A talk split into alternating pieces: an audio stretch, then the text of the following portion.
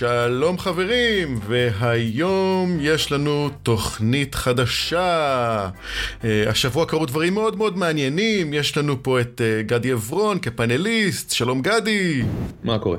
השבוע טלגרם משיקה פיצ'רים חדשים, ווייז משיקה אפליקציה חדשה וייעודית למכוניות. אזהרה חמורה של גוגל למשתמשי ג'ימל, משרד הבריאות הזהיר את בתי החולים ברחבי הארץ מפני ניסיונות הונאה. תוך שנתיים עוד 1,500 עמדות טעינה לרכב חשמלי בסבסוד המדינה, ויש פה קאץ'. מפתח הצפנה של סמסונג שהודלף ב-2016 עושה קאמבק. אמזון מציעה תנו לנו לעקוב אחרי, אחרי הגלישה שלכם ותקבלו על זה כסף. ביטוח לאומי מזהיר, הוקם אתר מתחזה. האם גם הוא ישלם קצבאות? מה אתם אומרים?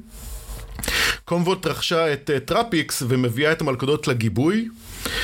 דוח מבקר המדינה בנושא סייבר, האם באמת הוא יעשה את השינוי? ומודל ה ChatGPT שכולם מדברים עליו, וגדי דיבר עליו, מה דיבר עליו? הוא לא מפסיק לדבר עליו ולטווט עליו וללינקדינט עליו כמעט כל יום. לא מפסיק לדבר נקודה, אבל כן, ChatGPT שיגע אותי.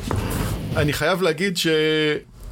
במשך הימים האחרונים, מהרגע שהוא יצא, אני שמתי לב שהבקרות שם עלו והתחילו להיות שם כל מיני ריסטריקשנים טיפה יותר חריפים. אני למשל ניסיתי את הטריק של גדי, תכף נדבר על זה, עם הקטע של איך, איך לרצוח מישהו, היום זה כבר לא עובד, אבל אנחנו נדבר על זה, עוד ממש. This content is here for educational purposes only.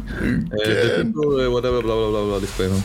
לא רוצה לרצוח אחד, אני כל יום רוצה לרצוח מישהו, אבל לעשות את זה, אתה יודע. I am an AI module. without any presence. טוב, אנחנו, אנחנו נגיע לנושא הזה, גדי, ואני בטוח שיש לך מלא מה לדבר, ויש לנו מלא דוגמאות על מה שקרה. אתה צ'ירפול היום, הכל בסדר, מה קורה איתך?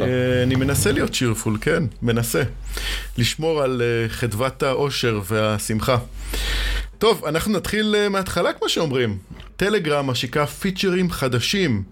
העדכון האחרון מאפשר שימוש ללא מספר טלפון אמיתי, ללא SIM card, אלא דרך מספר טלפון מרשת הבלוקצ'יין פרגמנט, ככה שאפשר להישאר, להישאר אנונימיים לגמרי. מחיקה אוטומטית של הודעות אפשרית בצורה גלובלית. ואם אתם סובלים מעודף הודעות ממיליון ערוצים וקבוצות, אתם יכולים לחסוך המון המון מקום וזמן לעבור אחד אחד ולמחוק. עוד פיצ'ר מעניין זה כותרות 2.0 מאפשרות לקבוצות מעל 100 משתמשים לעבוד בצורה יעילה יותר עם כותרות ממש בצד כסרגל בקבוצה שבעצם כל כותרת מאפשר שיח על אותו נושא בצורה נפרדת שזה, שזה יתרון משמעותי בעצם אה, לקבוצות. עוד פיצ'ר שהצליחו להכניס, אנטי בוטים בצורה מאוד מאוד אגרסיבית. האפליקציה מאפשרת למנהלי קבוצות להפעיל מערכת חסימת בוטים אגרסיבית על מנת לוודא שהם לא יפיצו הודעות בקבוצה. וכל מי שמשתמש בטלגרם יודע שבוטים זה, זה אישו משמעותי, אז כל הכבוד לטלגרם. ואני חושב הפיצ'ר האחרון שהוא מבחינתי אחד המגניבים זה אפליקציה מאפשרת לייצר קודים זמניים של חמש דקות על מנת לאפשר חיבור בין אנשים ללא העברת מספר טלפון ועל, ובעצם מאפשר לנו לשמור על הפרטיות. ככה שאם אני רוצה, אני פוגש מישהו ואני אומר לו בוא נדבר אז לא תיקח את המספר טלפון שלי ונדבר בוואטסאפ אלא בוא תצלם את ה-QR קוד הזה ונוכל לצ'וטט בלי שיהיה לך את המספר הטלפון שלי. אני חושב שזה פשוט גאוני, אני חושב שטלגרם היא, היא מערכת שעושה בית ספר לכמעט הרבה מאוד מערכות אחרות וצ'אטים אחרים ווואטסאפ וכמעט כל דבר אחר, רק על הדרך שבו היא מעלה פיצ'רים משמעותיים, אני חייב להגיד משמעותיים וגדולים כל חודש, זה פשוט מדהים. אז שאפו. גדי, אתה משתמש בטלגרם? כן ולא, יש לי טלגרם, מדי פעם אני אפילו נכנס לשם, מדי פעם אפילו שולחים לי הודעה שם, אבל זו לא המערכת האהובה עליי, אני מכור לוואטסאפ. יש, יש קטע עם uh, טלגרם שהוא לא כל כך תפס באחד לאחד, רק uh, קבוצות וערוצים פה בארץ. אני, אני לא הצלחתי לתפוס אנשים שבאמת מדברים עם טלגרם, ואני חושב שזה חבל, היא, היא באמת מערכת טובה. באמת מרשים, כל מה שטלגרם עושה, גם בפיצ'רים האלה, הם מובילים קדימה במקומות שאפילו לא חשבתי עליהם שצריך להוביל בהם. אבל באמת, ניהול קבוצה בסיסי. עכשיו וואטסאפ רק הוסיפו לא מזמן את הקטע הזה שאתה יכול לראות את ה-unreads שלך. כן. אז אני מאוד מעריך אותם על זה. עם זאת, אני חייב להודות שההיסטוריה שמה לא משום דבר של יש לי עובדות בשטח. אני לא... חכם מצידי גדי לא לסגור את השעון מעורר שאומר שאני צריך לקום עכשיו שאני אראה כבר שלוש שעות. סליחה, מתנצל לקהל מאזיננו. אני אגיד שאני לא סומך על טלגרם. אני יכול לספר סיפורים, אני יכול לספר שמועות, אני יכול לראות מה ראיתי, מה עשיתי. אמ, אין לי עובדות בשטח, אני לא סומך על טלגרם, אבל אין ספק שהיא בחירה מעולה ברמת הפיצ'רים שהיא מציעה, בין אם ביום יום לניהול ולציטוט, ובין אם ברמת ה security. מצד שני אנחנו גם לא סומכים על וואטסאפ, אז מה שונה? אמ, לאן הולך המידע שלי? אני מעדיף שיהיה אותו ל-NSA. אני לא אומר חס ושלום של-NSA יש אחרי גישה למידע של וואטסאפ, אבל uh, זה איפה שאני מעדיף שהמידע שלי ילך. סייבר מבחינתי הוא בחירה, היא בחירה גיאופוליטית. אוקיי, טוב, קיבלתי. אה, טל, טלגרם דרך אגב המטה שלהם יושב בדובאי או אבו דאבי, משהו כזה. ווואטסאפ זה פייסבוק זה ארצות הברית. אני יכול להיכנס לכל מיני דברים ששמעתי, הכרתי, ראיתי, אבל לא בא לי ללכלך על חברה שעושה כל כך טוב. מצד אחד הממשל הרוסי, אני אגיד שני דברים, הממשל הרוסי לדוגמה אה, היה מאוד מאוד נגד ו-hunted them down והם היו נגד וכל מיני סיפורים כאלה שאני לא באמת מכיר יותר מדי לעומק ופתאום הכל התהפך שם. עכשיו ברוסיה זה יכול להגיד ששימנו את כיסם של מי, של מי שהם בממשל, זה יכול להגיד שפתאום מאזינים שם ופתאום אמרו שאוקיי זה עובד בשבילנו, זה יכול להיות הרבה דברים, אנחנו לא יודעים, כן? יש פה יותר מדי unknowns.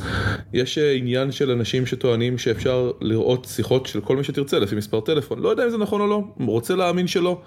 אבל יש לי יותר מדי uncertainties, כאשר עם וואטסאפ, אני יודע, אוקיי, אם ה-NSA ירצו, הם יאזינו ככל הנראה, יש שם הבדלים חוקיים, צריך לא לזלזל בנושא של צווי בית משפט לנושא של האזנה, אה, האזנות פנים זה לא NSA בכלל וכולי.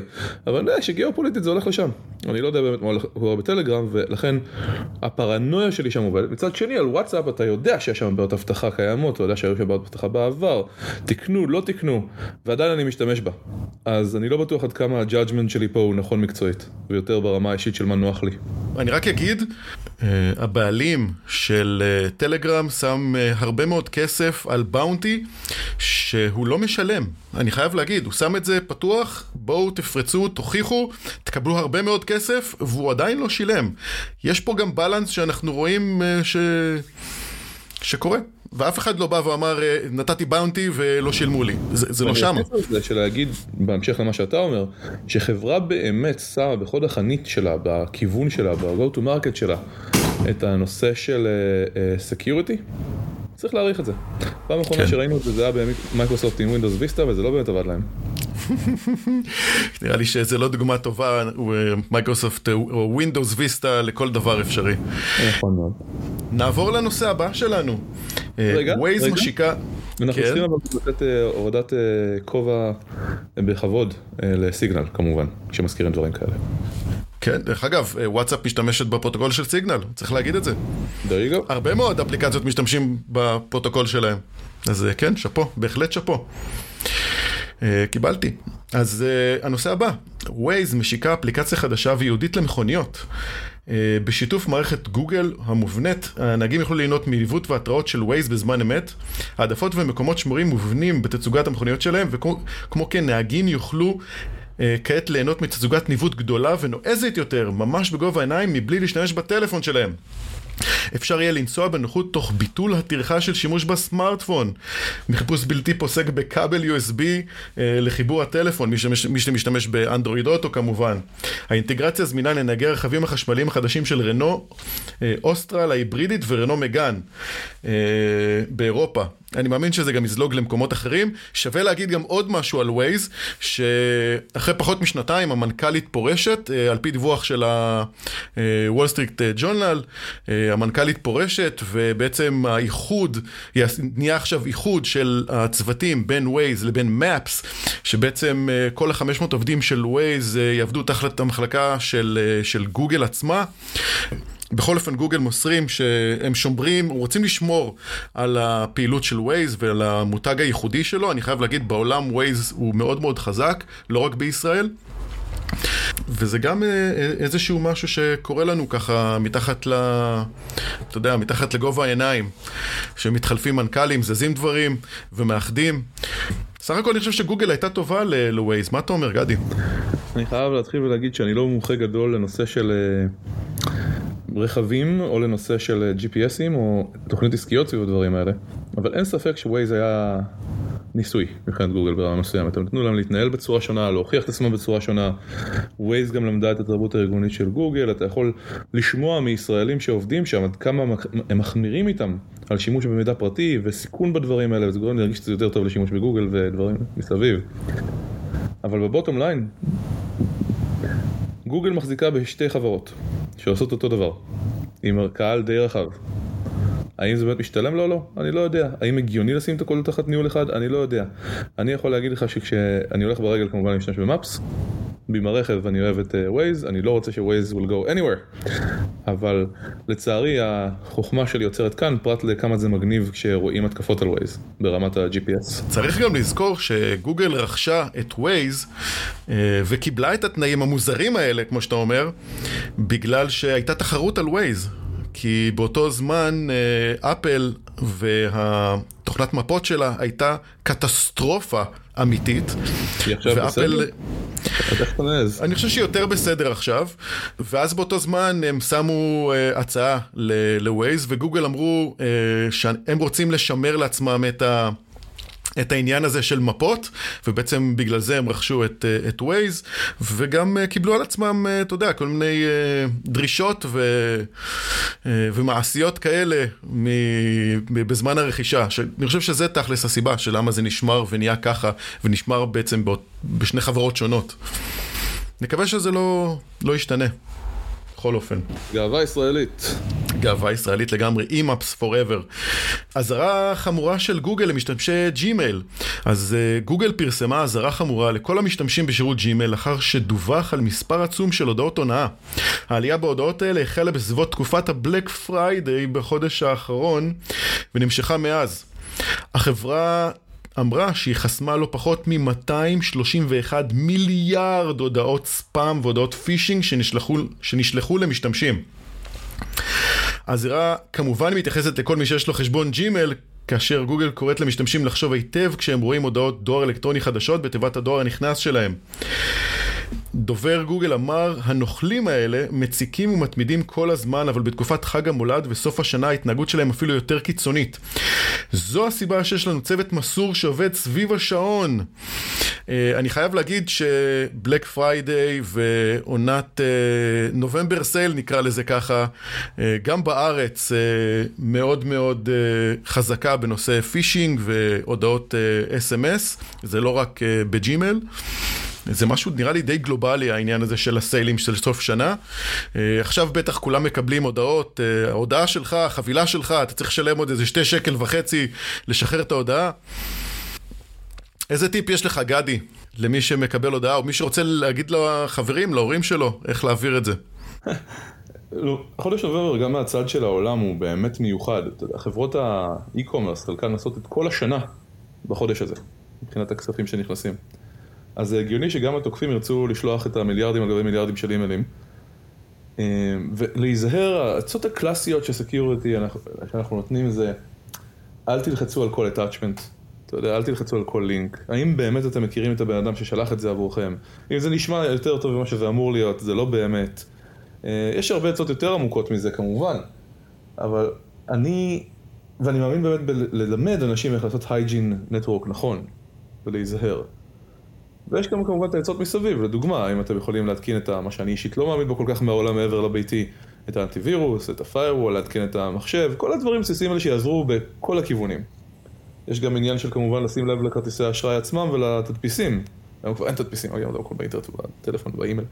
כי אפשר לראות ואפשר לעשות challenge על זה ולקבל את הכסף חזרה, כל מיני דברים כאלה שאפשר לספר.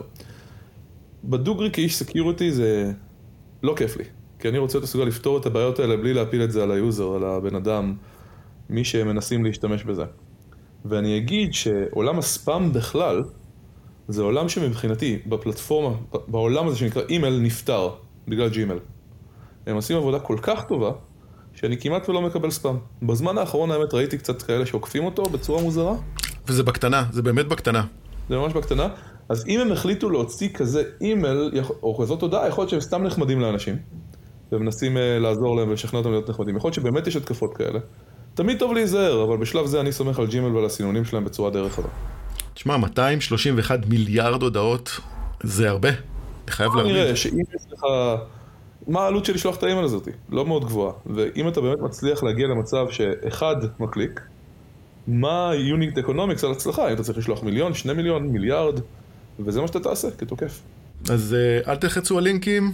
אני יכול להגיד שיש לי חבר שלחץ על לינק הזה ומילא פרטים, ואמר לי, כן, אני קיבלתי, אני ראיתי, ושאלתי אותו את השאלה הבסיסית.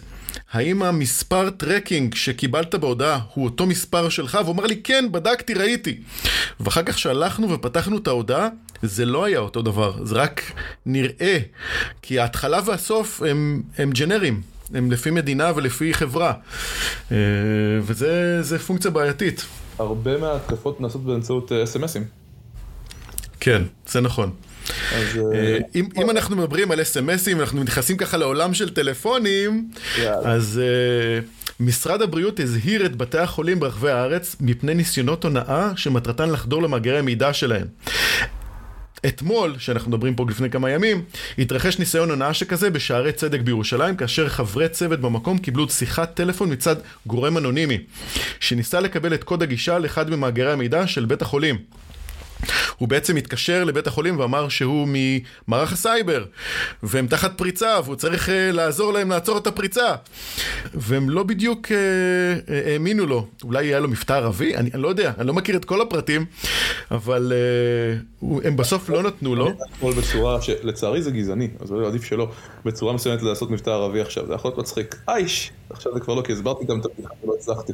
השיטה הזאת שבעצם מתבססת על הנדסה חברתית, מבטא רוסי זה לא אה, גזעני, נכון? אני רוצה לעשות מבטא רוסי. מבטא ערבי זה לא גזעני, גם מבטא רוסי זה לא גזעני. אם אתה, אם אתה צוחק עליהם כ, כעם, אז כן, זה גזעני, אבל, אבל נראה לי שמבטא זה לא, זה לא, לא נכנס לסלוט הזה של גזעני. יאללה. אוקיי, אז השיטה הזאת מתבססת על הנדסה חברתית, שזה ביצוע מניפולציה פסיכולוגית על קורבן באמצעות פנייה אליו שתראה לגיטימית ואמינה. זה לא היה לגיטימי ולא היה אמין כנראה, כי זה לא עבד לנו. הדבר הזה נעצר ונחסם, וזה רק מראה לנו כמה תוקפים מעלים את רמת היצירתיות שלהם ורמת התעוזה שלהם, שהם כבר יכולים להתקשר בטלפון ולדבר עם אנשים, משהו שאנחנו במדינתנו הקטנה לא הורגלנו להתקפות מסוג כזה, בעולם זה כבר נפוץ, והנה, עושים לנו עלייה של אה, סוגי מתקפות חדשות. זה נכון. תשמע, אני מסתכל על זה, בסופו של דבר, כל מה שקשור בעולם ה security זה אנשים. אנחנו תמיד בורחים לטכנולוגיה, אנחנו מציעים טכנולוגיות, מקימים סטארט-אפים, אני גם אשם בזה. בסופו של דבר, it's a people problem. ואנחנו לא נפתור את זה עם uh, טכנולוגיות. ואם אתה חוסם דרך אחת, לדוגמה אמרנו, ספאם באימייל הוא אומנם עדיין קיים, אבל הוא כבר פחות משמעותי ממה שהוא היה בעבר. עוברים לפייסבוק, עוברים לאינסטגרם, עוברים לטינדר, עוברים לאיפה שאפשר למצוא את הקורבנות. והדבר המעניין מבחינתי הוא שאני גם רואה את זה כדבר חדש, כי זו התקפה שקורית עכשיו בישראל, עושים את המאמץ, אבל בסופו של דבר זה בדיוק כמו כל התקפה אחרת. מנסים להשיג מידע בדרך שהם מצליחים, ב channel שהוא פתוח. אה, והם התקשרו, כשאתה מסתכל על social engineering, אז אפרופו מה שדיברנו עליו מקודם, התקפות phishing, זה גם social engineering. היי גדי, אתה הולך להיות מחר בכנס, אה, אתה מרצה בכנס אפילו, בוא נגיד, הנה מידע חשוב לגבי המצגת שלך. מה, אני לא אלחץ על זה? אנחנו יכולים להאשים את המשתמשים שהם מטומטמים, אבל זה לא באמת עובד כשאתה נכנס לפרטים העמוקים.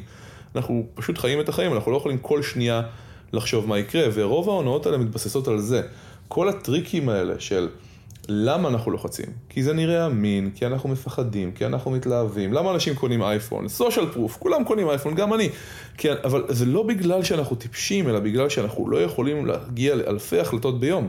ולכן אנחנו מסתמסים, המוח שלנו משתמש בהמון המון טריקים על מנת uh, לדלג על כל כך הרבה חשיבה.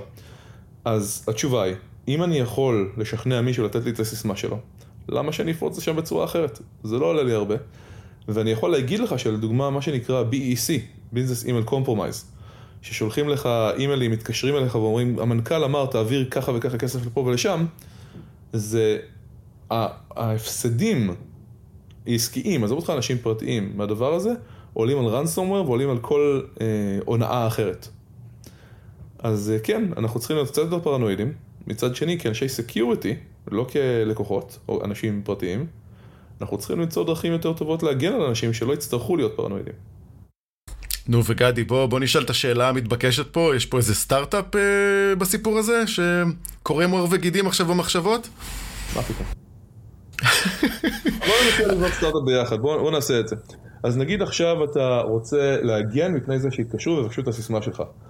זה אומר, בוא, בוא ננסה להגיד, מה אנחנו עושים בארגון? אחד, למי יש גישה לסיסמאות האלה מלכתחילה, וככל הנראה זה לא יהיה סתם מישהו שעונה לטלפון ב-help desk, זה יהיה מישהו קצת יותר עמוק. שתיים, האם מותר, אסור להעביר את הסיסמאות הלאה, ככל הנראה אסור, ואיך אתה גם גורם לאנשים לעקוב אחרי ה policies האלה, שלא סתם יהיו מעצבנות כמו תחליף סיסמה כל יומיים, שאנשים ימצאו דרך להוסיף 1, 2, 3, 4 אחרי הסיסמה כדי שלא יטרידו אותם, נכון? אה, ואז בעצם זה אומר, מעבירים אותך, עושים אסקלציה, בודקים שאותו דברים been compromised, מבקשים לך להעביר כספים. מי צריך לאשר את זה, איך אנחנו בונים את ה process הזה נכונים, security זה עניין של processes נכונים, אינדקט, איך שלא קוראים לזה.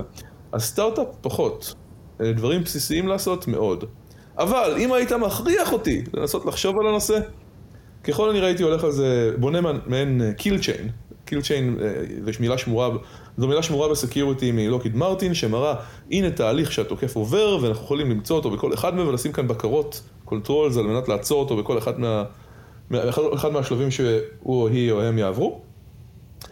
אבל אם נבנה פה kill chain מהיר, אחד, מאיפה נכנסה השיחה? נגיד היא נכנסה מחו"ל, זה כבר צריך להדליק לנו דגל אה, אדום, ואולי אנחנו צריכים להתנהג קצת אחרת. אנחנו שומעים מבטא, אנחנו שומעים משהו כזה שלא אמור להיות, העברית קצת קלוקלת, בסדר. האם אנחנו יכולים דוגמה להגיד לבן אדם, אין בעיה, איך אני משיג אותך ב directory הפנימי? זאת אומרת, עברנו כרגע ב control לפעילות עצמה, לא בסינון הראשוני או סינון בוטים או רד uh, פלאגס או מה שלא יהיה. אין בעיה, אני אשמח לתת לך את הסיסמה, uh, איך אני אתקשר לך בדירקטורי הפנימי של הבית חולים. מה ארבע הספרות של הפנימיות, או איפה אני מוצא אותך בדירקטורי הפנימי. אחר כך אנחנו יכולים להגיד, רגע, אסור לי לתת סיסמה בכלל, מה הפעילות, על מתי מותר לי לתת סיסמה. אז אפשר לבנות פה בקרות לכל אורך הדרך. אבל בסופו של יום זה עובד. זה פשוט עובד, או שהם לא היו מנסים את זה. ואני שמח שיצא לנו ללמוד מכמעט ונפגע לעומת מנפגע, פעם אחת. זה תמיד עדיף, forever, בכל דבר, בכל דבר. ופה שתדע זה שלהגדיר kill chain זה מאוד קשה, זה מגיע מהצבא האמריקאי, לא מצאתי באמת הגדרה עד היום, כמובן סייבר kill chain עכשיו אנחנו מכירים, דיברנו על זה, אבל ההגדרה הכי טובה שהצלחתי להגיע אליה היא שבמתודולוגיה של הצד התוקף, עבור כל שלב אנחנו בודקים איך אנחנו יכולים לעשות שם אינטראקציה, בין אם זה engagement ממש, זאת אומרת בוא נראה, לבין אם זה observation מסוים, visibility, ראינו שמשהו קורה, אה, אז הקיל צ'יין פה הוא בעצם לעבור על כל השלבים בהתקפה ובהגנה ולראות איך אנחנו מוסיפים פה בקרות. אבל זה רק בגלל שאני פדנט ורציתי להיכנס לזה קצת יותר לעומק. אז אה, אולי סטארט-אפ אה, לא יהיה פה, אולי כמה סטארט-אפים. אם מישהו שמע את זה ויש לזה רעיונות לסטארט-אפ, אולי עזרנו למישהו, אולי קידמנו פה את... לא, אני, I'm set in my ways ואני לא יכול לחשוב על רעיונות חדשים וצורות מעניינות אה, לפתור את הבעיות. ומישהו עוד הפתיע אותי. כן, בוא נקווה. בוא נקווה. אנשים מפתיעים אותי, אני חייב להגיד. מצליחים להפתיע אותי עם רעיונות. כמו לדוגמה של שלא צריכים לעשות OT Security בכלל כי אף אחד לא תוקף שם. אני חייב להגיד ש-OT Security זה עולם שונה, עולם אחר. אל תיתן לי להחליף צבעים היום. זה עבד טוב, אתה אדום, הנה הגענו לזה, אתה אדום. אני מבסוט זה כנראה ה-white balance של המצלמה, לא יותר מזה. אה, בוא נש... כשלמדתי בגיל 16, צילום וידאו, ב... לא יודע, מרכז קהילתי או מה שזה לא היה אז, אז המדריך אמר, אל תאשימו את המצלמה שהיא יצאה לכם מהפריים בזמן הצילום. ואני שמרתי את זה, לא זוכר איך מצלמים, לא יודע כלום, אבל זה נשאר לי בראש. כן, הלקיחת אחריות זה נראה לי הכי חשוב פה מהסיפור. אם אנחנו מדברים על אחריות, אז אפשר לדבר של, uh, יש לנו כבר יותר מ-30% מהרכבים שעלו על הכביש בישראל בחודש שעבר היו חשמליים. כלומר 6,700 מכוניות חשמליות. Uh, מתחילת השנה כבר עלו על הכביש כמעט 25 אלף רכבים חשמליים חדשים. עם זאת, אחד החסמים הגדולים ביותר בנוגע לרכישת רכב חשמלי הוא החוסר בעמדות טעינה. ובכן, מתברר שיש אה, בשורה מעניינת דווקא מצד אה, משרד האנרגיה הישראלי, אה, שהודיע כי הסתיים שלב בקול הקורא שהוציא למתן מענקים להקמת עמדות טעינה. במסגרת אותו מכרז או קול קורא יוקמו 1,511 עמדות טעינה חדשות שיוקמו בחניונים פרטיים הפתוחים לציבור הרחב, כמו למשל מרכזי קניות, קניונים, חניונים של רשויות מקומיות ועוד. הבשורות הטובות שזוכ... ש... שהזוכים יצטרכו להקים את העמדות החדשות תוך שנתיים. גובה הסבסוד של כל עמדה כזאת עומד על 5,000 שקלים. הבשורות הפחות טובות זה ישראל, כמו בישראל, אה, עד שעושים משהו, עושים אותו קצת עקום, וכל העמדות אה, שדרש המשרד הם יהיו פשוט איטיות ולא עמדות אה, מהירות. מה? למה? אתה מגיע לסופר, אתה מגיע למקום ואתה מטעין את האוטו, אתה הולך לעשות קניות, אתה חוזר וזה עלה בשלוש אחוז. מה? למה? ככה? למה? אין לי מילים להגיד על הדבר הזה, אין לי. גשש בלש בפעולה פותר כל תעלומה. תראה, אני, אני יכול להגיד שעמדת טעינה נורמלית לבית סטנדרטי עולה משהו כמו 3,000 שקל, עם ההתקנה וכאלה, 5,000 שקל. פה אנחנו מדברים על עמדות שהן בעצם הם, בתשלום, זה לא משהו שמישהו אה, מחבר לבית, אז 5,000 שקל זה נראה לי סכום משמעותי וגדול בשביל כל עמדה כזאתי. אבל איטיות, איטיות באמת, מדינת ישראל תפתיעו לטובה קצת. תשמע, בדברים האלה, גם אתה וגם אני היינו בחדרים, ב-room where it happens לחובבי המילטון. במקומות שהיה צריך לקבל את ההחלטות, במקומות שהיה צריך להתפשר, במקומות שבהם אי אפשר היה לעשות דברים, במקומות שבהם היו לחצים פוליטיים. ולכן אני, לפני שאני אכנס באם אימא שלהם, אני אגיד שאני לא ישבתי שם. אני לא יודע איך התקבלו ההחלטות, אני לא יודע אם מה שאנחנו אומרים בכלל הוא נכון. אולי כרגע הם מסתכלים על prototypes והם יעדכנו את זה, אי אפשר לדעת. עם זאת, מדינת ישראל, מה נסגר איתך? כאילו, בשביל מה זה טוב? למה זה יעזור? למה בכלל? מישהו ישתמש בזה? אתם רק רוצים... אולי, את האמת, אתה יודע, מסתכלים על ארגונים, הם נמדדים על זה שהם עושים, לעומת זה שהם עושים טוב. ולעשות, אפשר לחסוך פה כסף או משהו, אולי... לך תדע איך זה קרה. אבל מה שמעניין אותי, בוא נשנה נושא. בוא נשנה נושא. לא מזמן ראיתי שבכדורגל, שהם שיחקו עכשיו במונדיאל, יש אה, סנסורים, והוא משדר איתם כל הזמן. נכון. נכון? בכ... בכדור עצמו יש סנסור, ממש עם accelerometer והכל, עם סוללה. להשתמש ב-EM, אתה יודע, ב... בלוחמת אה, אה, ל"א, electromagnetic whatever, או לעשות להם DDoS ולשים כזה RF על כל המגרש שאף אחד לא יכול לתקשר לשום דבר, או לעשות פולסים כשהם לא צריכים להיות, או אה, בדיוק יש איזה גול מוזר וזה הזמן שבו אני רוצה להגיד שלא היה גול. נשמע לי מגניב לשחק עם זה, מעניין איך אני משיג כדור כזה כדי לעשות pentesting, מה אתה אומר? כן, מגניב. אני כבר כתבתי בלינקדאין והתחייבתי, מה שנקרא, ב prediction למונדיאל הבא, ואמרתי שהמונדיאל הבא אה, יהיה להם DDoS. כתבתי לפני, נראה לי, שבוע ומשהו. אה, זה, אני מאמין שזה יהיה. אני בתור אחד שכתב ופיתח מערכות כאלה של מיקום בעזרת גטוויים עם רסיברים אה, וטרנסמיטרים, זה כל כך פשוט. כל כך פשוט להרוס להם את הסיגנל ברמה של מטריד בעין. זה האם הם באמת התכוננו לזה מראש? שזה אפשרי, ראיתי אותם כבר עושים דברים מעניינים בעבר. כמו עם פשר רקוגנישן לפני שזה היה מוכר, או שבאמת הם יצטרכו לראות את האנקונדה מול העיניים שתקפו אותם ומתמודדים לפני שהם יתקנו משהו. מי יעשה את ה incident response live? האם יעשו Faraday cage? האם יתקיפו את כל הארגון, את כל המקום הזה בעצמו? אה, ויחשיכו אותו ב-RF ויעשו משהו, אם הם יבטלו את זה לחלוטין ויגידו לא משתמשים בזה יותר כי זה מרמה אותנו ויחזרו להראות גם את התמונות האלה והווידאוים והכל של מה קרה עם הכדור כי בסופו של דבר העולם לא ימות אם זה לא יעבוד, אבל זה כל כך מגניב. אז אני אחזור שנייה לאיפה שהתחלנו עם עמדות הטענה ואני אגיד מה הדרך להגיע לרכב דרך עמדת ההטענה הפומבית כמו עם USB מלוכלך בשדה תעופה? זה מה שעכשיו אני מתחיל לחשוב עליו, ולכן חשבתי על הכדור, כי אני ADHD לא מאובחן, והכיווני המחשבה שלי מביאים אותי למקומות מוזרים. טוב, אז אני אסכם בתור אה, ADHD אה, לא מאובחן גם אני.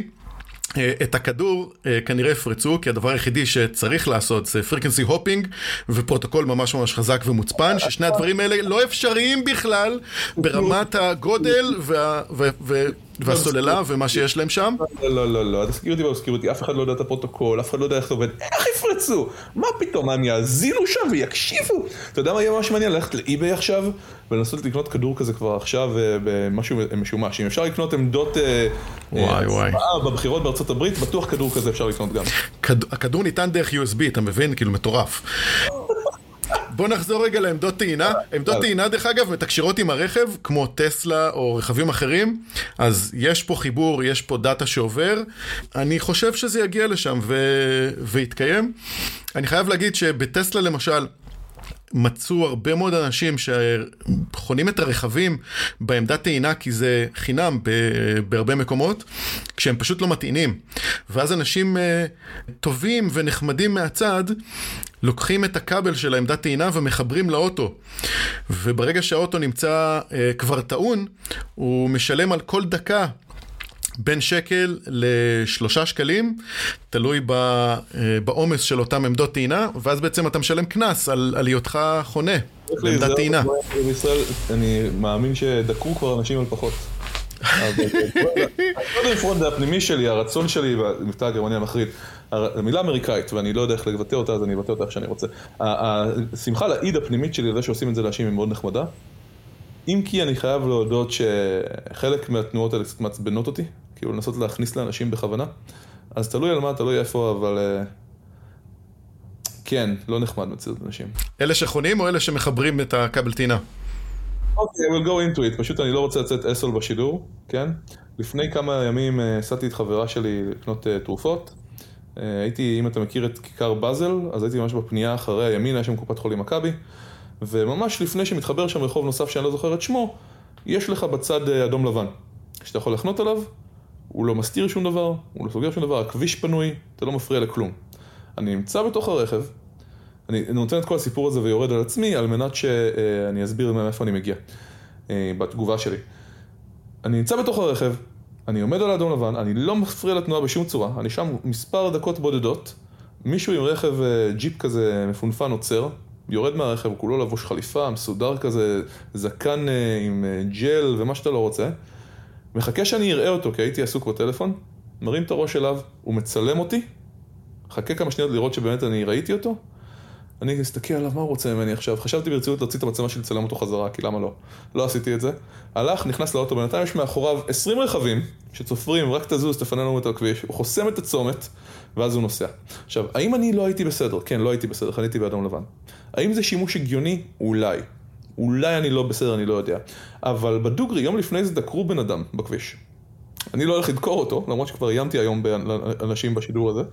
אבל למה אני מזכיר את כל זה? כי, מסיפור אישי, יש את כל הפיד תנועה, איך שלא קוראים לו בטוויטר, שאנשים הולכים, מצלמים אנשים, עושים להם פאבליק שיימינג, זה חלק מהתרבות שלנו כבר היום. אז, אתה יודע מה, כשאני שומע מהצד כבן אדם, חיברו את הרכב כדי ש... להראות לו מה זה, בסדר, אני מבין אותם. מצד שני, אני לא בטוח עד כמה זה מקומנו כאזרחים, במיוחד לא כשיש איומים כמו דוקרים אנשים ברחוב. כן, אבל אתה יודע, יכול להיות שאותו בחור מפונפן עם עניבה הוא גם מעריץ, שרצה פשוט לצלם אותך. אין ספק, אין ספק. תשמע, כולם יודעים שצריכים להריץ אותי, אבל... לא, אבל, אבל למה אני אומר את כל זה? למה ירדתי על עצמי? למה דיברתי על טוויטר? כי אני כל כך רוצה שיעשו את זה לאנשים ש... ליד הבית שלי, סיפור אחר ונעצור שם עם זה, ואני, אחרי שאני אסביר למה נכנסתי באמת לכל הדבר הזה. יש אה, מישהו שחונה על אלכסון עם קטנוע קטן על חניה שלמה. ואז הוא מגיע בערב הביתה, הולך, מרים את הקטנוע, מזיז אותו ומחנה את הרכב כדי שתהיה לו חניה. האם זה מעצבן? אחו שלוקי מעצבן. האם זה מותר לו? אני לא יודע מה החוק. האם אני הולך לפנצ'ר לו את הגלגלים? לא. אז אני מאוד שמח לשמוע שיש אנשים שלוקחים את זה על עצמם, ומאוד שמח לשמוע על ההאקינג הזה מהצד, ומאוד שמח לשמוע שמראים להם מה זה, אבל אני נמנע, אני רואה את כל הדברים האלה גם כאלימות, ואני לא רואה תשובה של אלימות לאלימות כדבר חיובי. אז אה, קרא לי קצת אה, wuss, אבל אני פשוט לא אוהב את הדברים האלה. זה שאנשים שומרים אה, מקום, אגב, אם זה היה עם רכב, זה היה יותר טוב ברמת המצפון? אם הוא היה עושה את זה עם רכב? אם הוא מחליף רכב ומוצא חניה רחוקה יותר לרכב אחר, כן, נשמע לי הגיוני לחלוטין. אז רק עניין של מצפון, אוקיי. אבל זה hacking, ולכן נכנסתי לזה. זה hacking, כן, כן, זה hacking, זה hacking לגמרי, ואם אנחנו מדברים על hacking, חייבים להמשיך, גדי, בחייך, יש לנו מלא מלא נושאים, אה, ואנחנו רוצים להגיע ל ChatGPT. וואו, חייבים, אה, חייבים, חייבים להגיע אליו, אנחנו עוד רגע נגיע אליו. אה, אז מפתח ההצפנה של סמסונג. אבל אם זה שצריכים להתקדם, am I the asshole? זאת השאלה החשובה, כמו שאומרים ברדיט. אה, לא נראה ככה. לא, לא נשמע ככה, לא נשמע. אמרתי באדום לבן, מה ידי עשר? לא, אם הוא היה שוטר אז היית מקבל דוח, אבל אה, בשביל לקבל דוח אתה לא צריך להיות asshole, זה, זה לא שמה. אני מודה למעריצים שנתנו לי להוציא כמה דקות של frustration פה ואפשר להמשיך הלאה. שמחנו לעזור בכל אופן. אה, אז מפתח הצפנה של סמסונג, בואו נדבר עליו, כי כל חברה מפיצה אפליקציות למערכת ההפעלה אנדרואיד, מקבלת מגוגל מפתח חתימה. בעצם סרטיפיקציה, שהוא קוד מוצפן שמשמש לאימות עדכונים לאותן אפליקציות. חותמים את אותן אפליקציות. וכך מגינה על עצמה מערכת ההפעלה מעדכונים זיופים וזיופים. שכן העדכון מכיל רק את אותו מפתח יותקן בהצלחה. זאת אומרת, אם יש לך אפליקציה שהותקנה או נחתמה על בסיס uh, סרטיפיקציה ספציפית, רק עם אותו סרטיפיקציה אפשר לעשות עדכונים. אולם מסתבר שדווקא אפליקציות של סמסונג שמותקנות מראש על מכשירים וזוכות לגישות מורחבות מבחינת הרשאות המערכת אינן מוגנות מזיופים. זאת מפני שאותו מפתח חתימה סודי שהודלף זה מכבר לרשת ב-2016 אה, סמסונג עצמה מודע שהוא כנראה זמין להאקרים והוא עדיין בשימוש. גוגל מתריעה על כך במסגרת יוזמה שאותה הקימה לצורך פיקוח רמת האבטחה הקיימת במכשירים המיוצרים בחברות חיצוניות. סמסונג, למרות שהמפתח הודלף, עדיין משתמשת בו מ-2016. למה יש מפתח שאפשר להשתמש בו חמש שנים? איך זה הגיוני? לא מובן לי. לא, לא מובן לי, למה, למה, חמש שנים? זה פשוט... זה, זה נשמע לי, זה נשמע לי הזוי. לא אין פה מגבלה על הדבר הזה? אני חייב להודות שזה לא נשמע לי כזה הזוי, ומפתיע אותי שלך כן, כי אתה מגיע מעולם ה-OT, שבו לא עשו patching לדברים כבר 40 שנה. כן, אבל אנדרואיד זה לא OT, נו בחייך. אבל יש לך עדיין מכשירים בשוק, נכון? מהתקופה ההיא, שצריכים איכשהו לעדכן אותם. אוקיי, בוא נגיד ככה, אני לא יודע באמת האם סמסונג עדיין משתמשת בזה עם מכשירים חדשים. אני לא יודע למה היא לא תכננה את זה, שיהיה לה Key Exchange, לא Exchange, רוטיישן. נורמלי ויחליפו אותם כל כמה זמן. אני לא יודע, אתה יודע, לפעמים צריכים uh, להיתקל בדברים לעומק כדי להתחיל לתקן אותם, כמו בכל דבר בסקיוריטי. אבל כן, איך, איך תעדכן את המכשירים האלה? שאלה מעולה. אתה תעשה להם בריק ותגיד תקנו מכשירים חדשים בגלל שאני לא הייתי מספיק טוב ויש לכם uh, עכשיו בעיה במכשיר. אתה, אולי אתה משהו באמת של עדכון במערכת ההפעלה והם פשוט לא מעדכנים את מערכת ההפעלה. אולי קשה להם... או שלא היה להם, או שפשוט לא היה להם playbook למצב שהמפתח נגנב. אבל גם יש כאן עניין של האם יש אחרי, אני לא יודע, בניגוד לעולם ה web, האם יש certificate authority מסוים, כן? יש, יש, בטח. אז זה שלא... CA, זה צריך להיות CA שהוא trusted. אז השאלה אם ה-CA הזה הוא לא בשליטה של סמסונג עצמה. לא, זה של גוגל. וגוגל, אוקיי, שנייה, אז הנה השאלה המעניינת, מאחר ואני לא מכיר את פרטי המקרה, אני מגיע אליו קארט בלאנש. האם בעצם גוגל אמרו לאנשים אל תשתמשו יותר בסרטיפיקט הזה, הוא לא אמין יותר? כרגע כן, כרגע גוגל אומרת את הדבר הזה, אה, סמסונג לא אמרה שום דבר. אז התשובה היא שאני דווקא מסתכל על גוגל, אם אתם רוצים, יש כאן בלנס מאוד לא ברור בין גוגל להרבה מהחברות האלה, כי מצד אחד הן מתחרות, נכון? הן שתיהן מוציאות טלפונים, מצד שני אה, סמסונג היא לקוח עצום של גוגל, כי היא משתמשת באנדרואיד, ואז השאלה המעניינת פה באמת היא האם גוגל יכולה פשוט לעשות expire ל certificate הזה, יכול להיות שהיא גם עשתה את זה, נכון? אה, אני בכוונה עובר על הדברים התיאורטיים. כי אם גוגל באה ומצהירה על זה, זה אומר שיש טלפונים לא מעודכנים בעולם, והשאלה היא למה? האם זה אשמת סמסונג? האם זה אשמת גוגל? האם אפשר לעשות ל expire? האם זה לא נוהל נכון? צריך לשים על השולחן שגוגל מחייבת את החברות שמשתמשות בפלטפורמה שלה רק לשנתיים. של עדכונים. סמסונג הלכה extra mile במכשירים האחרונים ואמרה שלוש שנים. אה, אבל זה שמה, זה זהו. אחרי שנתיים אין מה לעשות. מטריד, אני יודע, אבל זה המצב, זה ה ecosystem שאנחנו חיים בו. אוקיי, okay, אז אני גיגלתי עכשיו ב live, כי אני יודע להגיד מתי אני לא יודע. והם אומרים פה שבעצם יש כאן מספר חברות, יש פה את מדיאטק, יש פה כל מיני דברים של OEM לאנדרואיד, שמבצעות את הדבר הזה כרגע. זה לא נחמד. אם, אם אנחנו לא יכולים לסמוך על העדכונים של המערכת הפעלה, מה אנחנו כבר כן יכולים לסמוך? חייב להגיד שזה מאוד, מאוד בעייתי הסיפור הזה. זה מאוד בעייתי. כן, אני אגיד לך דבר אחד שאני כן יודע בצורה ברורה, זה לא טריוויאלי לנהל דברים כאלה. זה נכון, מקבל לגמרי. הוא דבר מאוד מאוד קשה, וגם כאן אני לא רוצה לשפוט אותם יותר מדי לעומק, אבל אם עכשיו מלוור עושה שימוש בסרטיפיקיישנס האלה, somebody needs to step up, whoever that is. נכון. זה נכון. אני מרגיש כמו old man shouting at uh, clouds, כי אין לי באמת פתרון, אבל כן אני חושב שאפשר ללמוד מהנושא הזה לתכנון של מערכות נכונות בעתיד. מקבל לגמרי, מקבל. אה, ואני חושב שגוגל אה, הצליחה לעשות כמה דברים טובים בעולם הזה של איך לנהל מערכות גדולות ומורכבות בצורה אוטומטית. הנושא הבא שלנו, המתחרה של אה, גוגל, אמזון. אז אמזון מציעה אפליקציה בשם אמזון שופר פאנל, שדרכה היא מציעה למשתמשים ש... שהתקבלו לתוכנית עד עשרה דולר בחודש בקרדיטים לשימוש באתר עבור כל מיני סוגים של פעולות. אחת הפעולות היא העלאת קבלות של רכישות שהמשתמשים ביצעו בחנויות מחוץ לאמזון ומילוי של סקרים בנושא. לכאורה, כדי שאמזון תוכל להתאים את המחירים שלה להיות יותר תחרותית, אחד הפיצ'רים באפליקציה של אמזון הוא אימות פרסומות המאפשר לאמזון בפועל לנווט את כל תעבורת הרשת שלכם דרך השרתים שלה. כדי שהיא תדע בדיוק אילו פרסומות צפיתם באתר, שאמזון אומרת כי תעשה את השימוש בתעבורת הרשת של המשתמשים שיסכימו לשירות רק כדי לוודא שהפרסומות באתר שלה, וכי היא לא משתפת, לא משתפת או, או מקבלת אה, מידע פרטי מגורם אה, צד שלישי. זאת אומרת, לא, לא תפרסם אותו, לא תעביר אותו, תשתמש רק לדבר ש, שהיא עשתה את זה. יש לציין שסמסונג היא לא החברה הראשונה שניסתה או מציעה את השירות הזה, בעבר גם חברת אה, פייסבוק, מטא, הציעה את השירות. ממש שירות דומה, לאחר שהיא רכשה את החברה הישראלית אה, אונאבו. היית מקבל 10 דולר בחודש בשביל להעביר את כל התעבורה שלך דרך אמזון? אם היו מציעים לי קצת משהו מעבר, אולי, אבל לא, לא, לא הייתי עושה את זה.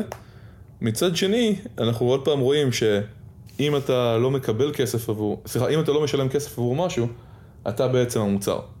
ופה הם פשוט אומרים, בוא נשלם לך קצת כסף כדי שנוכל להפוך את האנשים שלא משלמים לנו למוצר יותר טוב. אז אני אוהב שהם פשוט מודים בזה בצורה ברורה. בסופו של דבר יש אנשים שוותרו כי לא רואים את הפרטיות שלהם, לא רואים את הדברים האלה, והם יקבלו, תשמע, 2 דולר, 10 דולר, זה, זה מחיר מאוד מאוד קטן בשביל לוותר על הפרטיות, אני חייב להגיד. נכון. אה, אני כן אגיד אבל שעבור חלק מהאנשים בעולם, 10 דולר נוספים בחודש זה המון כסף. זה נכון, אבל מצד שלי האנשים האלה לא באמת קונים בהרבה אתרים אה, מחוץ לאמזון. יכול מאוד להיות.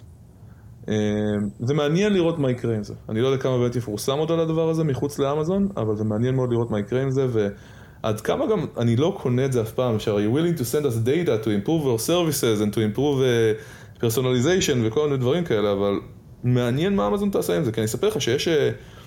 אני, החברה שלי, סימטריה, הייתה ב-Y Combinator, שזה אקסלרטור, נראה לי המוכר ביותר בעולם, אני לא יודע כבר מצבו היום, והייתה איתנו חברה שנמכרה בסוף לקפיטל 1, שהלכה לאמזון, הסתכלה על מה אתה קונה, אצלך, היה לך פלאגין, ואם היא מצאה, לפי התנאי שירות של אמזון, משהו שקנית במחיר יותר זול בתוך חודש, או משהו כזה, אמזון הייתה צריכה להחזיר לך כסף. ואמזון מאוד התרכזו מזה, החזירו הרבה כסף להרבה מאוד אנשים. אמזון מאוד התרכזו מזה, הפריעו להם לנצל את השירות הזה, הם לא יכלו יותר לעשות את זה, אז הם הלכו לכרטיסי אשראי, כי אם אתה מוכיח בכרטיס האשראי משהו דומה, אתה יכול לקבל את הכסף חזרה מכרטיס אשראי, והם הולכים לאמזון. אז כל המשחקים האלה בכל מיני רמות, בין אם זה ברמת החברות סליקה, לבין אם זה השירותים, בין אם זה האנשים עצמם, אמזון אוספת מידע, נחמד לי שהם מודים במה הם אוספים, ואם זה גם יעזור להם, אתה יודע מה, יאללה. חייב להגיד שאמזון יש להם אה, תנאי שירות מאוד מאוד אה, רחבים ותומכים ופרו אה, לקוחות, ושעוד חברות יהיו עם תנאי שירות כאלה, שאם קורה איזה משהו... אני חייב להגיד שאם יש, אם קנית משהו מאמזון וזה מקולקל, שבור או לא משנה מה קרה, הם לא מוכנים לשלוח לך אפילו מוצר נוסף, אתה ישר תקבל את הכסף חזרה, כדרך. נכון, הם גם שינו את זה לאורך השנים, אני יכול להגיד לך שלדוגמה הייתי שולח להם אה, הודעות, תקופות שהיה לקח שלושה חודשים לדברים מאמזון להגיע לארץ, שלא קיבלתי ספרים של CISSP, לא עשיתי אף פעם CISSP, כן, דובר על זה 2004-2005. והם היו שולחים לי עוד, אין בעיה, מיד נשלח לך עוד. הם שינו את הצורת פעולה מול הלקוחות, אבל הם תמיד נתנו שירות טוב ושמו את זה כנאמבר 1 בכל דבר שהם עושים. אה, כמו שאומרים אצלנו בישראל, אמריקה. מה, אנחנו בשנות ה-90? לגמרי. טוב, הנושא הבא שלנו. ביטוח לאומי דיווח על אתרים שמתחזים לאתר הראשי של ביטוח לאומי. מערך הסייבר הלאומי ביקש שהם יטפלו בנושא בצורה דחופה ויפעלו להורדת האתרים המתחזים לאלתר. אופיר בן אבי, סמנכ"ל מערכות המידע של ביטוח לאומי, בכניסה לאתר הביטוח לאומי ולערוצי השירות שלנו צריך להקפיד שכתובת האינטרנט תסתיים ב-gov.il ולשום סיומת אחרת. אני חייב להגיד שגם בסוף השנה, גם בתקופה של חגים, כל העניין הזה של ביטוח לאומי ואתרים מתחזים, והיום... היכולת של גורם עוין לצלם אתר ולהרים אתר סנפשוט אה, דומה, זה, זה כל כך קל וכל כך פשוט בצורה שמטרידה בעין אפילו. אני חייב להגיד שאני, אה, לפני הרבה מאוד שנים, היו לי אתרים שעסקו בתיעודים ובכל מיני מידע שרציתי לשמור, אז הייתי מוריד פשוט תוכנה שתעושה שמירה של כל האתר, היה לי מוריד איזה קרולר כזה, מוריד את כל האתר, ואז יהיה אותו זמין במחשב, גם כשאני לא מחובר. זה קרה לי עם אתרים, בעיקר אה, אתרים של דוקומנטציה, שהייתי צריך לנסוע לאתרים של לקוחות ואין לי שם קליטה של אינטרנט, ופשוט כל המידע היה זמין לי כשאין לך איזשהו PDF מסודר, זה, זה ממש ממש עוזר, ואני מדבר ממושגים שלפני כמעט 20 שנה. היום זה אפילו הרבה יותר פשוט. אני מנסה לזכר איך קראו לדאונלודר הזה. אני יכול להגיד לך שגם מהצד השני אבל, כשחברות מנסות להתמודד עם אתרים כאלה, ואני לא יודע עד כמה ביטוח לאומי מנסה להתנדד עם אנטי פישינג ואיזה שירותים הוא לוקח, אז לדוגמה, להיות עם אלרטים על אה, משהו שנראה כמו הדומיין שלך, שלא עשו לך איזה squatting על הדומיין וירשמו אה, ביטוע לאומה או משהו כזה, co.il.org.biz או מה שלא יהיה. אה, אתרי phishing יכולים גם להיות IP, כן? הוא קצת יותר מחשיד. או לדוגמה, לחפש את התוכן הזה של האתר שמשכפלים, לקחת את הלוגו, לקחת את האמצעים הגרפיים, לקחת טקסטים. ולחפש אותם בגוגל באופן קבוע. אה, אני מצפה מביטוח לאומי, כי זה בסדר, כמו גוגל, עם ג'ימל שדיברנו מקודם, אני, זה בסדר שאנשים יגנו לעצמם יותר, יסתכלו שמדובר במשהו שמסתיים ב-gov.il, ידאגו לעצמם, כי בסופו של דבר, אם לא תדאגו לעצמכם, אתם תאכלו אותה. כן. אבל, אני מצפה מביטוח לאומי, ואני מקווה גם שהם עושים את זה, אני לא יודע, שיעשו את המאמצים מהצד שלהם למנוע אתרים כאלה, לזהות אותם כמה שיותר מהר ולהוריד אותם מהאוויר. לגמרי, מקבל לגמרי. אני אגיד לך, הייתי שמח בהכרזות כאלה, שהם יגידו לי מה הם עושים. כן, אנחנו רוצים שאנשים יהיו יותר חכמים ויותר זהירים, וצריך שזה יקרה. אבל הנה מה אנחנו עושים. קצת ויזיביליות לעולם הייתה מאוד נחמדה פה. יש פה איזה עניין של קאט שמצד אחד אה, לא רוצים לחשוף אה, דרכי פעולה נגד אתרים כאלה. מצד שני צריך גם לעשות יותר אה, ויזביליטי, כמו שאתה אומר, אה, נראות, מה אנחנו עושים בעצם, ואיך מתמודדים מהצד של, שלהם. יש דברים ש... כן, אתה יודע, אתה לא רוצה לחשוף את הדברים שיגרמו לתוקפים להצליח יותר. אבל התוקפים יודעים בדיוק מה אתה עושה, כי אתה מפיל אותם מהאוויר בכך שיצרת קשר עם, שרת, אה, עם אה, הספק שירות, הם הולכים לספקי שירות אחרים, מתחילים להשתמש בכל מיני שיטות אחרות, מה שאתה לא רוצה, הם יודעים טוב מאוד. אז אני מאוד מתחבר לביטוח לאומי כרגע, מסכנים אם זה הפעם הראשונה שקרה להם, קשה לי להאמין, אנשים צריכים להגן על עצמם, כן, בסדר. אז אחד, let's not blame the, the victim, שזה ביטוח לאומי, let's not blame the victim, שזה אנשים שלוחצים, שווה קצת מה שביטוח לאומי עושה, אבל כן, ביטוח לאומי, מה אתם עושים בנושא? זה, זה בעיה שהרבה מאוד אה, ארגונים, לא רק ביטוח לאומי, צריכים להתמודד איתה, עם כל הקונספט של אתרים מתחזים, שנראים בדיוק אותו דבר. אה, אין, אין פתרון קסם, אמיתי, אין פתרון קסם. אה, יש פתרונות רעים, ורעים פחות, אבל זה שמה, זה ממש שמה. אנחנו נעבור לנושא הבא.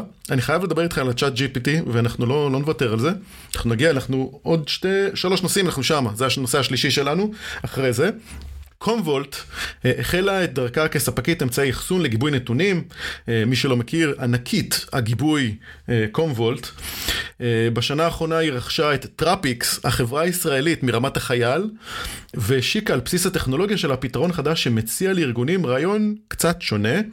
לא רק גיבוי של נתונים, אלא גם יצירת מלכודות, honeypots, עם מידע מזויף עבור האקרים.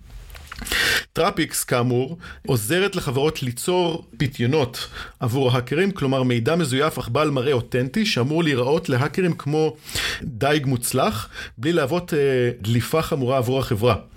פתרון ההטייה, Metallic Threatwise, אינו תחליף לחומת אש והגנת אה, אבטחה קונבנציונלית אחרות, מדובל בנכשול נוסף באמצעות אה, אמצעי פיתוי והטיה שונים שנראים כמו נכסים אמיתיים, שרתים, הדפסות, נתבים ומכשירי IoT. הם כתבו IoT. אה, בכל אופן, אני חושב שזה פתרון uh, ממש uh, מעניין, שנותן פה איזשהו מקום חדש. יש לנו את העמדת אחסון שלנו, יש לנו את הגיבוי אחסון שלנו, אבל אם אנחנו יכולים לבוא ולפתוח עכשיו עשר שרתים חדשים, אה, שבעצם ייתנו הניפוץ כאלה לגיבויים, התוקפים עצמם לא יודעים, וברגע שהם תוקפים את אחד מהם, יש לנו סיכוי של אחד מעשר שאנחנו נגלה את זה, או תשע מעשר שאנחנו נגלה את זה. זה יתרון, אני חושב שזה יתרון, זה משהו טוב. גדי, אתה, אתה היית משתמש בשירות כזה? אני אגיד לך שאני מאמין מאוד מאוד גדול בתחום ה deception.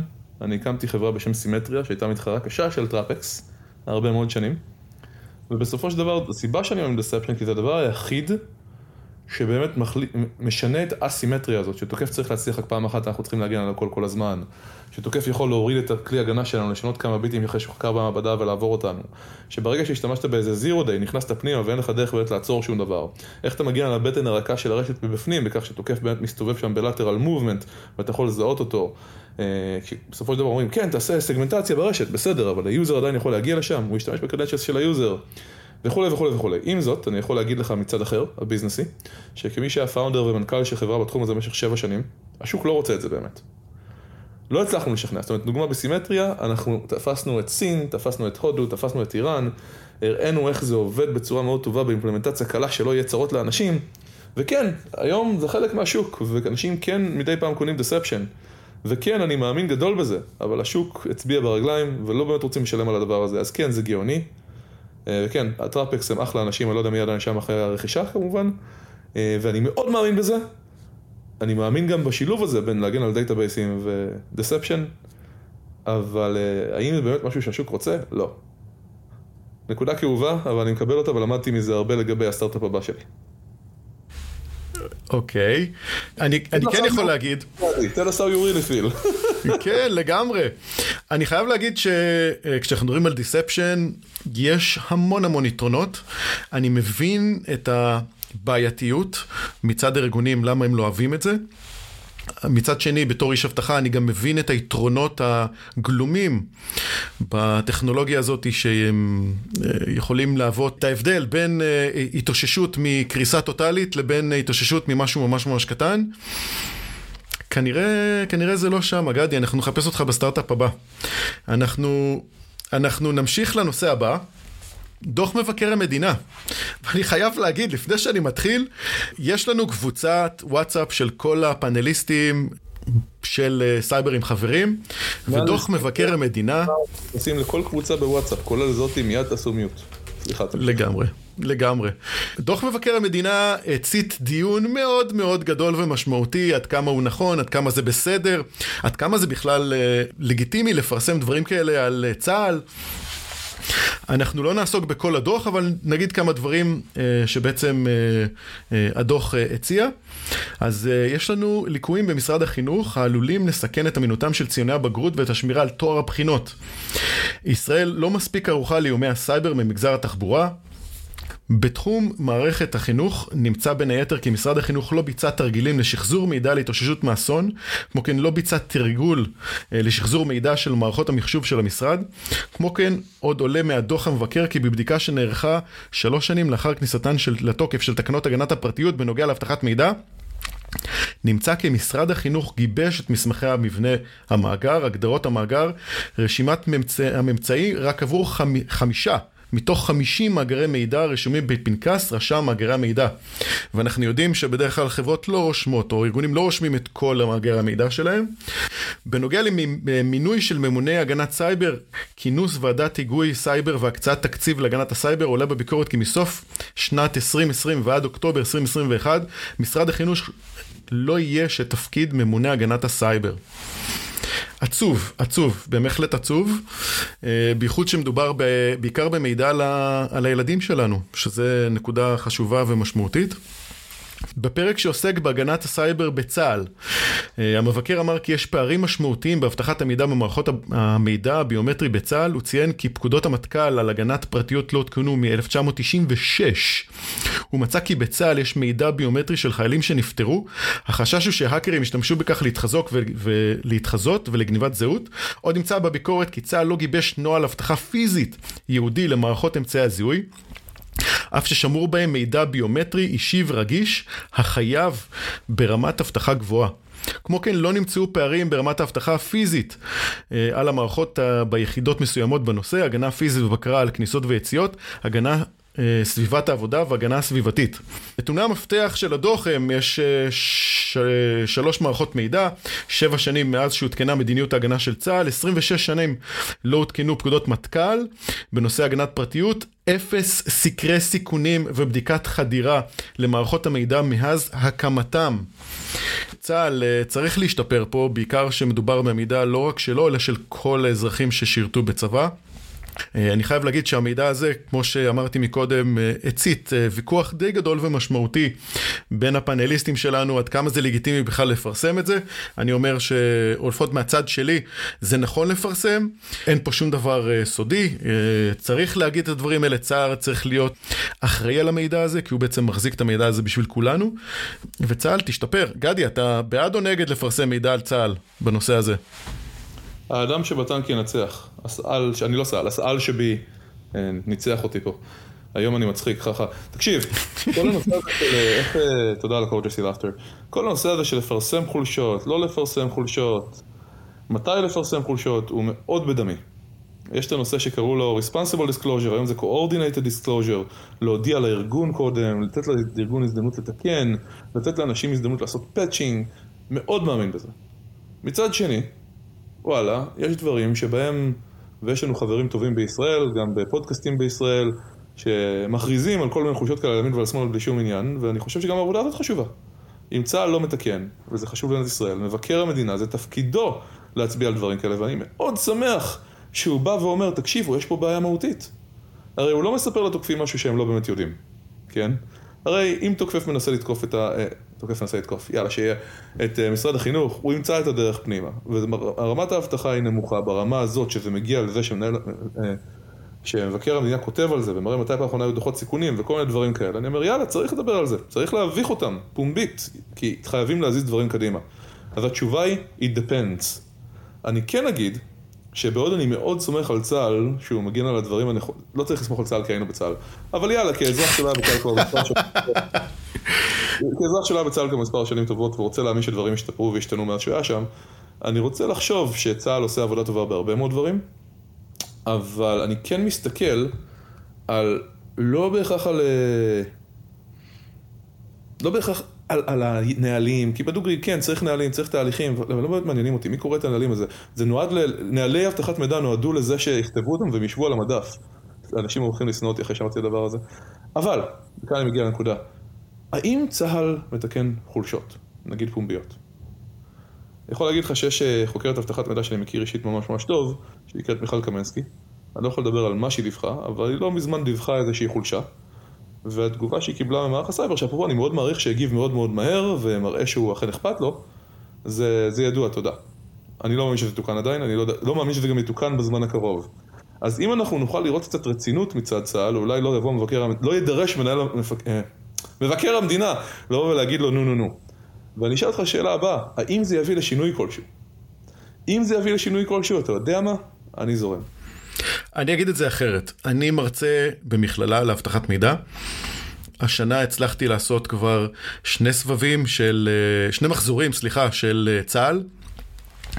ואני חייב להגיד, אני הצלחתי להכיר את האנשים שאחראים על אבטחת המידע אה, בצה"ל, ואני יכול להגיד רק דבר אחד, הם אנשים טובים, הם אנשים רציניים, הם אנשים שאכפת להם מהעבודה שלהם, הם אנשים שרוצים ללמוד, הם אנשים שרוצים להתפתח, הם פטריוטים בדמם, ואני מאמין שהם רוצים לעשות את הדברים. הבעיה היא אחרת, הבעיה היא אחרת, גדי. אני אקטע אותך באלימות, רק בגלל שאני אקח פה צד השני, כי אני מסכים איתך על כל הדברים, ואז זה לא מעניין. שיעבדו יותר קשה. זה לא תירוץ. אז רגע, אני, אני מקבל מה שאתה אומר, אבל רגע, אבל מה שאני אומר, זה הנהלים האלה, והבדיקות חדירות, והעניין הזה של פרטיות, זה תמיד נדחק לשוליים. זה תמיד, כי זה לא סייבר, וזאת בעיה בכל מקום. פרטיות לא נכנס ל-scope של סייבר בצורה אינהרנטית, ו- ותמיד דוחפים את זה לצד. נראה לי שאפשר לסכם את זה ככה, בוא נגיד, אה, יש עוד שני פרקים. משרד התחבורה, נמצאו ליקויים רבים, השורה התחתונה היא שלא, היא שישראל לא מספיק ערוכה לאיומי סייבר במגזר התחבורה. יש, אה, יש פגיעות יתר לתקיפות שעשויות לגרום לשיבושים בתפקודה התקין ואף להשבתתה המלאה של התחבורה, לפגיעה כלכלית ניכרת בחיי אדם. בפרק של רשות המיסים מתייחס לפרויקט של שער עולמי, אין פה סייבר, זה מערכת מחשוב. תאגידי מים, לאחר דיווחים אה, בעבר על מתקפות סייבר על מתקני מים, כתב המבקר כי חלק מתאגידי התאגידים קיבלו ציון נמוך על מוכנותם להגנת סייבר, המבקר כתב כי איומי הסייבר, סליחה, כי איומי סייבר הולכים ומתעצמים עם צמיחתו של מרחב הסייבר ועלולים להוביל לפגיעה הן מתוך מרחב אה, זה או בין אה, בעולם הפיזי כגון אה, מתקני התפלה וספקי מים ותשתיות. מועצת רשות המים לא הסדירה בכללים בהתאם לסמכותה על פי סעיף א' 18 לחוק המים את חובת ספקי המים להפעיל מערך ניטור בקרה ומערך הגנה מפני אירועי סייבר. זה אירוע, אני חייב להגיד, שתאגידי מים, שהם בעצם אחראים על כל המים שאנחנו צורכים כאנשים פרטיים, לא נדרשים ברמת ההסדרה. אה, איפה אתם? סיכום גדי, לפני שאנחנו עוברים לנושא שאנחנו חיכינו אליו? כולנו מסכימים שהנושא הזה בעייתי. They need to do better. זהו. טוב, אז uh, הגענו, צ'אט uh, GPT. בום. של, של OpenAI הוא ממשק צ'אט מבוסס דיאלוג שמשתמש במודל שפה עצום. הוא יכול לענות על כל השאלות שאתם רוצים, לכתוב מאמרים. לספק רעיונות ופשוט ליצור טקסט שלם לפי בקשתכם. בניגוד ללא מעט פיתוחים של OpenAI והגלגולים הקודמים של uh, Chat GPT, את המודל הזה אתם יכולים לעשות בעצמכם בלי שום בעיה, הוא חינמי לגמרי. חפשו בגוגל Chat GPT מחובר. Uh, אנשים ברשת מפרסמים את התכתובות שלהם עם, מודל, עם המודל, הוא מספק לנו גן שעשועים למשחקים מפתיעים. אז מה היה לנו פה?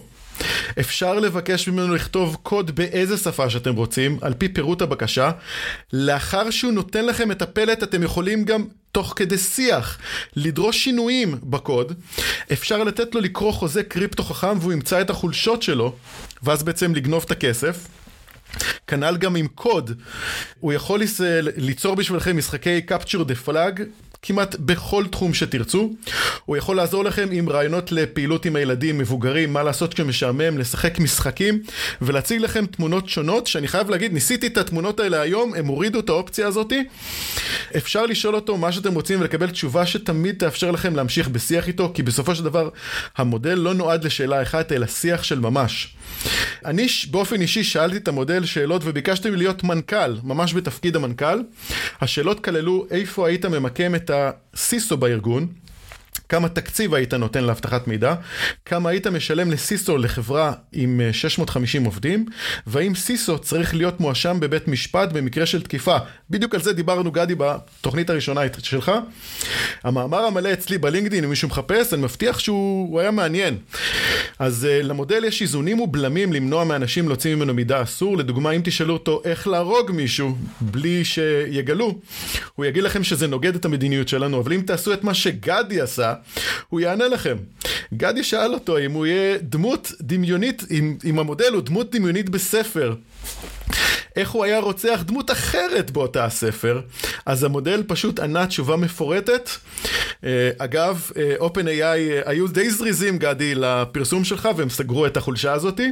צריך לקחת בחשבון שהמודל הזה עשה המון דברים מגניבים, הוא בטוח עובר את מבחן טורינג המפורסם ברגע, אבל יש משהו שצריך לקחת בחשבון בדיוק במקומות האלה. אנחנו כבני אדם מורכבים יותר ממה שזה נראה לנו, פיקחים יותר ממה שנראה לנו, וההיגיון שלנו שעומד למבחן באופן יומיומי, הוא לא דבר שצריך לקחת כמובן מאליו. אז כן, למודלים האלה יש עוד כברת דרך להגיע כדי להחליף בן אדם, אבל מצד שני יכול להיות, הם יכולים להיות מאוד שימושיים לנו כבני אדם החושבים עם המוח. גדי, אתה רוצה לספר איזה כמה דברים מעניינים שקרו לך עם ה-chat GPT? האמת, אני חושב שכיסתית את זה ממש ממש טוב, אז אני אתן שני דברים קלים. אחד, זה מדהים.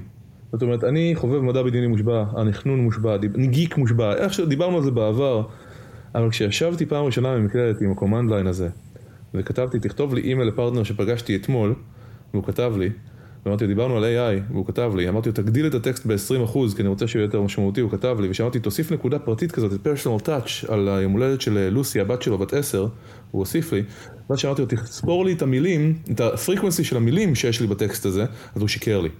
הוא אמר לי ארבע מילים כאלה. זאת אומרת, זה טק, הוא יודע לייצר טקסט בצורה מושלמת, אבל הוא alien intelligence. הוא לא חושב כמונו, הוא יגרום לדברים להיראות מושלם. ישתמשו בו, לדוגמה, כל מיני scammers, דיברנו היום על social engineering, על מנת לעשות דברים. הוא מדהים, הוא, הוא, הוא יהפוך להיות יועץ אישי, הוא יהפוך להיות מקודד, יש את GitHub Copilot למי שמכירים, יש בעיות של copyright, רגע, מאיפה הם אספו את המידע הזה, למה הם הגיעו לשם, אפשר לעקוף אותו בכל צורות, והם חיים ב-live בצורה שהיא קצת אה, מצחיקה שהם לא עשו הרבה דברים מראש, אם כי אני לא שופט כאן גם, אה, וחוסמים דברים ב-live, אבל בסופו של דבר, my jaw dropped, הרגשתי ממש a sense of wonder, אני מסתכל על העתיד, יש לי future shock, תיכנסו לשם, תבקשו ממנו לכתוב שיר ב-style של ליידי גאגא, הזמרת האהובה עליכם, על Cloud Security, תראו מה קורה. אני חושב שאפשר לדבר על זה תוכנית שלמה, וצריך אה, כרגע לעזוב את זה, אחרת אנחנו לא נעזוב את זה לעולם. מגניב לחלוטין, חפשו צ'אט GPT ותראו את הקפיצה הטכנולוגית שמחכה לנו. כן, וזה חינם, כרגע לפחות. אנחנו יודעים שאופן AI אה, אה, אוהבים כסף, והם, אה, והם ייקחו את הכסף שלהם בסופו של דבר, כמו שהם עשו עם המנוע AI של התמונות. אז הנה כמה נקודות למחשבה. מייקרוסופט השקיעה יותר ממיליארד דולר ב-OpenAI, וזה מגיע עם שותפות אסטרטגית רב-שנתית לפיתוח הטכנולוגיות מחשוב על מבוססת בינה מלאכותית. על גבי, על גבי הפלטפורמת ענן שלה, Microsoft Azure כמובן, אה, מייקרוסופט תהיה ללא ספק שותפה מועדפת להרחבה ומסחור של שירותים חדשים. אה, אני חייב להגיד שאני באופן אישי ניסיתי לשאול שוב ושוב את הבוט מאיפה הוא רץ, ואולי הוא מוכן להודות בכלום מעבר לזה שהוא ישות דיגיטלית שנמצאת במרחב הדיגיטלי בלבד. אה, שאלת מיליון הדולר, האם מייקרוסופט תשלם את ה-Chat GPT, במנוע החיפוש הכושל של ה-Bing, כדי להתחרות בגוגל? אולי. אם מייקרוסופט תשלב את היכולות האלה במערכות ההפעלה אה, Windows, גם זה אולי, אנחנו לא יודעים. יש אה, ויכוח שמדבר על Chat GPT נגד Google Search, כי בעצם יש לנו עכשיו פתאום מקום אחר שאנחנו יכולים לשאול בו שאלות, וזה לא גוגל. אז כל הוויכוח הזה אינו הגיוני. או במילים אחרות, האם זה ה-Chat GPT the Google killer? כנראה שלא. החיפוש בגיגל, בגוגל אישר ערוץ רצוי לשאילתות uh, עובדתיות וסמכותיות בסופו של דבר. ה-Chat GPT ימצא את מקומו במרחב היצירתי והחקירה ודברים יותר של uh, התמודדות עם העולם עם איזושהי ישות. כי כבר יש כבר תוסף כרום שמוסיף תוצאות של Chat GPT בכל פעם שאתה מחפש חיפוש בגוגל. ואם תשאלו את ה-Chat GPT יותר מדי שאלות בנושא דברים שקשורים לאינטרנט, הוא ישלח אתכם לגוגל. כן, הוא שלח אותי לגוגל, לא לבינג. אני חייב להגיד שאם אנחנו מסתכלים ברמת היכולות, אז אפשר להסתכל על זה שצ'אט GPT ו-OpenAI יש להם בסביבות ה-150 מיליארד פעולות שהם מסוגלים לעשות. ואם אנחנו רוצים לעשות השוואה לגוגל, אז המנוע בינה מלאכותית של גוגל, יש לו 450 מיליארד פעולות, ואנחנו לא מכירים אותו, אנחנו לא שמענו עליו, אנחנו, אין לנו גישה אליו, ואם זה מה שמקבלים מ-150 מיליארד פעולות, אני לא יודע מה מקבלים מ-450 מיליארד פעולות, ואני לא רוצה לחשוב בכלל מה יש לארצות הברית, לישראל או ל-nation state, כי כסף הוא לא אישו שם. ואנחנו יודעים שמחשבי על ומחשבי בינה מלאכותית הם, הם עתה סחורה חמה מאוד בשנתיים האחרונות לממשלות. אולי יש מקומות במדינה הזאת או במדינות אחרות שנותנים איזשהו אינפוט על תוקף יהודי, כמו למשל, אה, לא יודע, אני רוצה לתקוף את אה, הנמל אה, בלטקיה, בסוריה. אלה הדברים שיש שם. בוא תיתן לי דרכים לפעולה. יופי, בוא תכתוב לי עכשיו את הקוד שעושה את הדבר הזה. אנחנו לא יודעים, בינה מלאכותית הצליחה לעשות דברים מדהימים. אחד הדברים המדהימים שהצליחה בינה מלאכותית לעשות זה לייצר חלבונים שעובדים. ש... שזה דבר מדהים. חלבונים זה משהו שבני אדם אה, מנסים אה, לייצר בצורה טובה כבר כמעט 30 שנה ואנחנו לא כאלה מצליחים, ובאה בינה מלאכותית ואומרים לה בואי ת, תבני לי רגע אה, חלבון שידבק לאיזה משהו אחר, והופ, היא עשתה את זה. זה פשוט מדהים, אני, הקפיצת דרך הזאת של AI. גדי, האם העתיד שלנו כולו קשור ל-AI? ואני חייב להגיד AI, זה לא ML, זה, זה אמיתי AI. אני לא יודע, אני מאוד מקווה שכן. יש הרבה מה לדבר עליו, אתיקה, security, מי האנשים, מה האנשים, מי אנחנו. האם אנחנו, אתה יודע, שאנשים אומרים, למה אני צריך ללמוד מתמטיקה בבית ספר או לא, אם יש לי מחשבון? לא יהיה לך מחשבון בכל מקום. ראינו. אז התשובה היא, נחכה ונראה. אז אני אגיד שבנושא למשל זכויות יוצרים, אם אתה מחזיק מצלמה ואתה לוחץ על הצילום, אז אה, יודעים שזה, שזה שייך לך. אם אתה אמרת ל-AI לייצר משהו, זה שלך או שלא? במיוחד שמאיפה הוא לקח את המידע שעל בסיסו הוא ייצר את זה. שאנחנו לא יודעים את זה כרגע. טוב, אה, אנחנו, אה, אפשר לסכם את התוכנית ולהגיד תודה רבה לבועז פירסט שהוא בעצם העורך של התוכנית. נגיד תודה גם לגדי עברון, פאנליסט שלנו. אני הייתי רותם בר, ונתראה בשבוע הבא. יאללה ביי.